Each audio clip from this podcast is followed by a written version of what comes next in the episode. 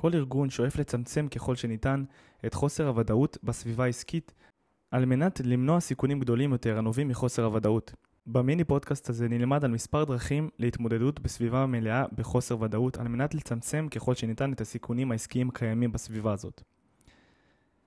אז ברוכים הבאים לעוד פרק בתוכנית קידום עסקים בעידן החדש. בכל פרק אנחנו בוחנים איזשהו נושא שקשור לעולם העסקי במטרה לעזור ליותר יזמים, בעלי עסקים ומנהלים לנהל ולשווק את העסק שלהם בצורה טובה יותר ולהוביל אותו אל עבר ההצלחה העסקית שלו.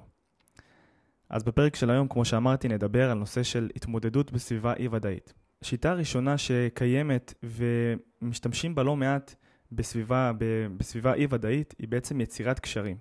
האסטרטגיה הראשונה שתעזור לנו במקרים מסוימים להתמודד עם חוסר הוודאות היא יצירת קשרים עם ארגונים אחרים מאותה נישה וקידום האינטרסים של שני הצדדים לטובת מטרה משותפת. יכול להיות רכישת חברה מתחרה, כמו שפייסבוק רכשה את אינסטגרם בזמנו. צוקרברג בעצם זיהה איום מתפתח מהסביבה ולכן הוא החליט לצמצם את חוסר הוודאות שהלך וגדל. אז הוא רכש את החברה שאיימה עליו בעצם, את אינסטגרם.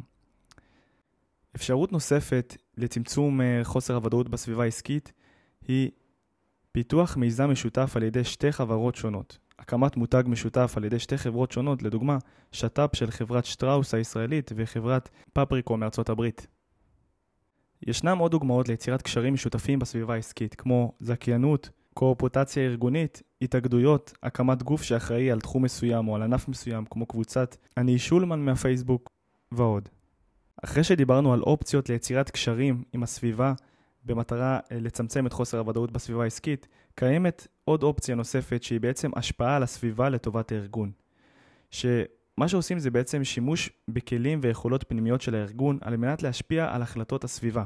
שימוש בפרסום, יחסי ציבור, פעילות פוליטית, תרומה לקהילה ועוד. כל זה על מנת לייצר תדמית מסוימת על הארגון כלפי חוץ.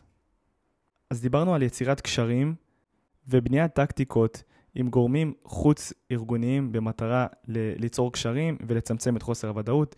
דיברנו על השפעת הסביבה לטובת הארגון, אם זה יחסי, יחסי ציבור, אם זה לבצע איזה שהן פעולות פרסום, אה, לעשות אה, פעולה ציבורית, סביבתית וכדומה. ועכשיו נדבר על האופציה האחרונה שיכולה לעזור לנו לצמצם את חוסר הוודאות בסביבה העסקית, והאופציה הזאת, השיטה הזאת היא בעצם התאמת הארגון לסביבה. מה שצריך לעשות זה בעצם פעולות פנים-ארגוניות. ממש לבצע שינויים בארגון עצמו על מנת להתאים אותו לסביבה. לדוגמה, הקמת מחלקות שיבחנו ויחקרו את השינויים בסביבה, ועל פי התוצאות המחלקות השונות יבצעו פעולות מותאמות בשאר המחלקות העסקיות בתוך הארגון.